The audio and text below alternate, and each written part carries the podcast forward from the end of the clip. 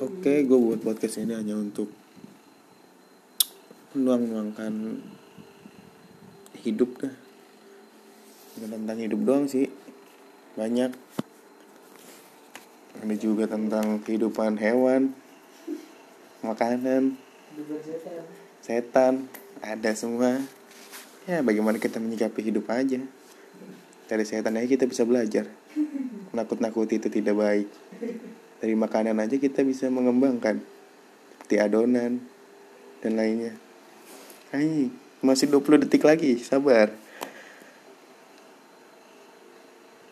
Ya gue nggak banyak ngomong lah pokoknya. Masih trailer kan?